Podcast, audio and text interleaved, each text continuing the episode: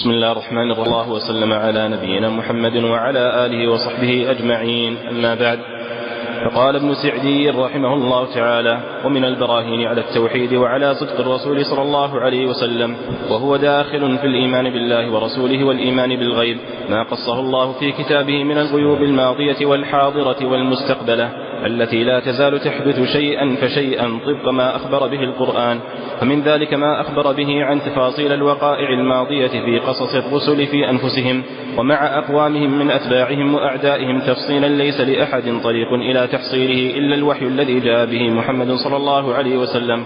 ونهاية ما عند خواص أهل الكتاب من تلك التفاصيل نتف وقطع لا يحصل منها قريبا مما يحصل بالقرآن ولهذا يخبر في أثناء هذا, هذا القصص أن إتيان رسوله محمد صلى الله عليه وسلم بها دليل على رسالته كقوله بعدما ذكرته كقوله بعدما ذكر قصة موسى مبسوطة وما كنت بجانب الغربي إذ قضينا إلى موسى الأمر وما كنت من الشاهدين.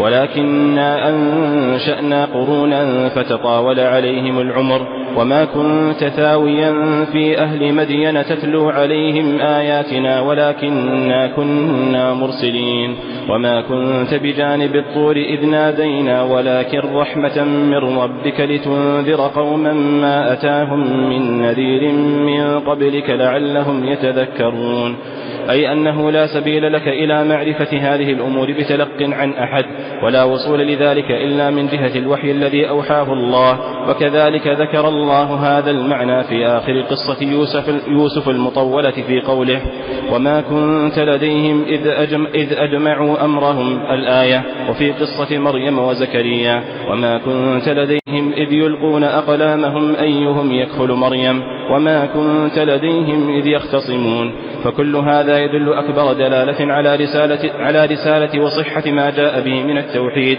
حيث جاءتهم هذه الأمور المفصلة بطريقة لا سبيل. الله عليكم. حيث جاءتهم هذه الأمور المفصلة بطريقة لا سبيل إليها إلا بالوحي.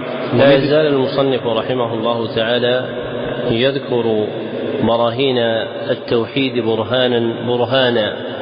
وذكرها هنا البرهان الخامس من براهين توحيد الله سبحانه وتعالى.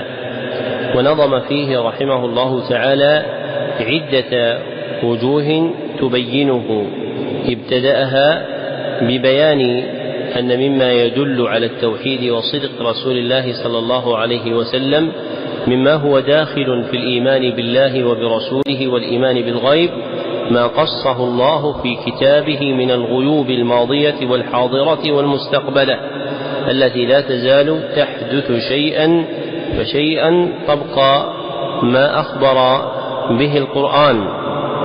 وهذا اللون من ألوان الإعجاز القرآني كما يسمى هو الإعجاز الخبري الذي اقتصر أكثر الناس على فرد من أفراده بأخرة مما سمي بالإعجاز العلمي وفي تسميته بذلك نظر كما سبق بسطه في غير هذا المقام.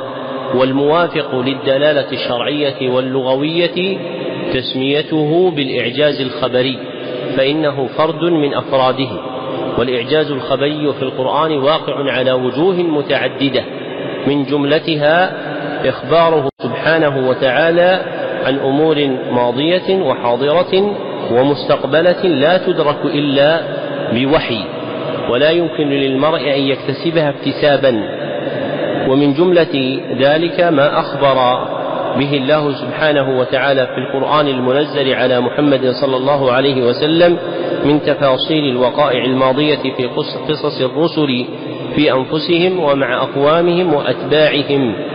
فإن ذكر تلك الأخبار لا سبيل إليه إلا بوحي من الله سبحانه وتعالى وما جاء من قصص الأنبياء وأخبار أممهم والدول العابرة هو أصدق الأخبار المتعلقة بها ولا يوجد في سوى القرآن من كتب أهل الكتاب ما يضاهي ما أخبر الله سبحانه وتعالى به في كتابه. بل لا يوجد عند أهل الكتاب إلا نتف وقطع لا يحصل منها شيء يضاهي ما في القرآن الكريم. كما أن تحريف أهل الكتاب جعلهم يخرجون ما شاءوا ويدخلون ما شاءوا.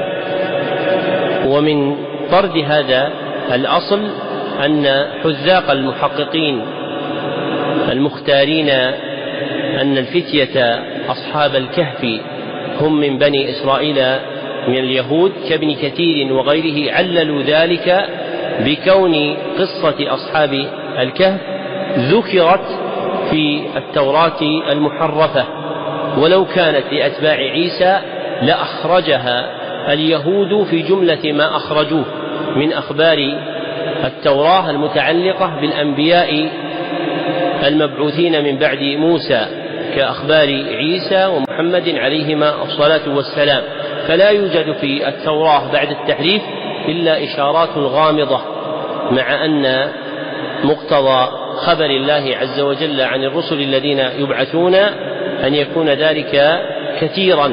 كما وقع في القرآن الكريم فإن الله ذكر الأمم السابقة في مواضع عدة. وكرر جملة من قصص الأنبياء كقصة موسى عليه الصلاة والسلام في مواضع متفرقة من القرآن الكريم. وهذا الخبر الواقع في القرآن عن قصص الأنبياء كرر في القرآن الكريم نفي علم النبي صلى الله عليه وسلم وحضوره له كما قال الله عز وجل في هؤلاء الآيات وما كنت من الشاهدين وقال وما كنت ثاويا في أهل مدين. وقال وما كنت بجانب الطور. وقال وما كنت لديهم إذ يخصمون. أيهم يكفل مريم؟ إذ يلقون أقلامهم أيهم يكفل مريم؟ وهذا التركيب في القرآن وما كنت يراد به النفي المحقق عن النبي صلى الله عليه وسلم لما ذكر معه النفي المحقق عن النبي صلى الله عليه وسلم لما ذكر معه كقوله تعالى مثلا وما كنت من الشاهدين هذا نفي محقق أن النبي صلى الله عليه وسلم لم يشهد خبر موسى. وقوله تعالى وما كنت لديهم إذ أجمعوا أمرهم نفي محقق أن النبي صلى الله عليه وسلم لم يكن لديهم إذ أجمعوا أمرهم في نبأ يوسف عليه الصلاة والسلام. وقد أشير إلى هذا في مواضع بالقرآن من القرآن إلى كونه من أنباء الغيب. كما قال تعالى ذلك من أنباء الغيب نوحيه إليك. وقال أيضا تلك من أنباء الغيب نوحيها إليك. وهذا التركيب أنباء الغيب أكمل مما اختاره. المتأخرون في الخبر عن هذا المقصد القرآني فأنباء الغيب التي أخبر بها القرآن ومن جملتها قصص الأنبياء لا اطلاع لأحد عليها إلا بالوحي ولذلك قرن بذكرها. فلما كانت هذه الأخبار مذكورة في القرآن الكريم دل هذا أن القرآن الكريم منزل من الله سبحانه وتعالى وأن النبي صلى الله عليه وسلم صادق فيما دعا إليه من توحيد الله عز وجل. فإذا ظهر أن أخبار القرآن صدق فإن من أعظم أخبار القرآن ما يتعلق بالله سبحانه وتعالى كما يذكره المصنف فيما يستقبل وكما أن هذا البرهان دال على توحيد الله من هذا الوجه فإنه دال أيضا على صدق النبي صلى الله عليه وسلم ومدار دعوته وقطب رحاها هو الأمر بعبادة الله عز وجل. وصار هذا دليلا على توحيد الله. وهذا البرهان وهو الخبر عن أنباء الغيب لا يختص بالخبر عن أنباء الأمم السابقة بل كما سيأتي يتضمن أنواعا من طرائق نصب هذا البرهان وتقويته وتأييده كالخبر عن الملائكة والملأ الأعلى وصفات الله سبحانه وتعالى. وسيستكمل المصنف رحمه الله تعالى مد هذا البرهان الخامس في الجملة المستقبلة من الكتاب وهذا آخر التقرير على هذه الجملة منه. وبالله التوفيق الحمد لله رب العالمين. صلى الله وسلم على عبده ورسوله محمد وآله وصحبه أجمعين.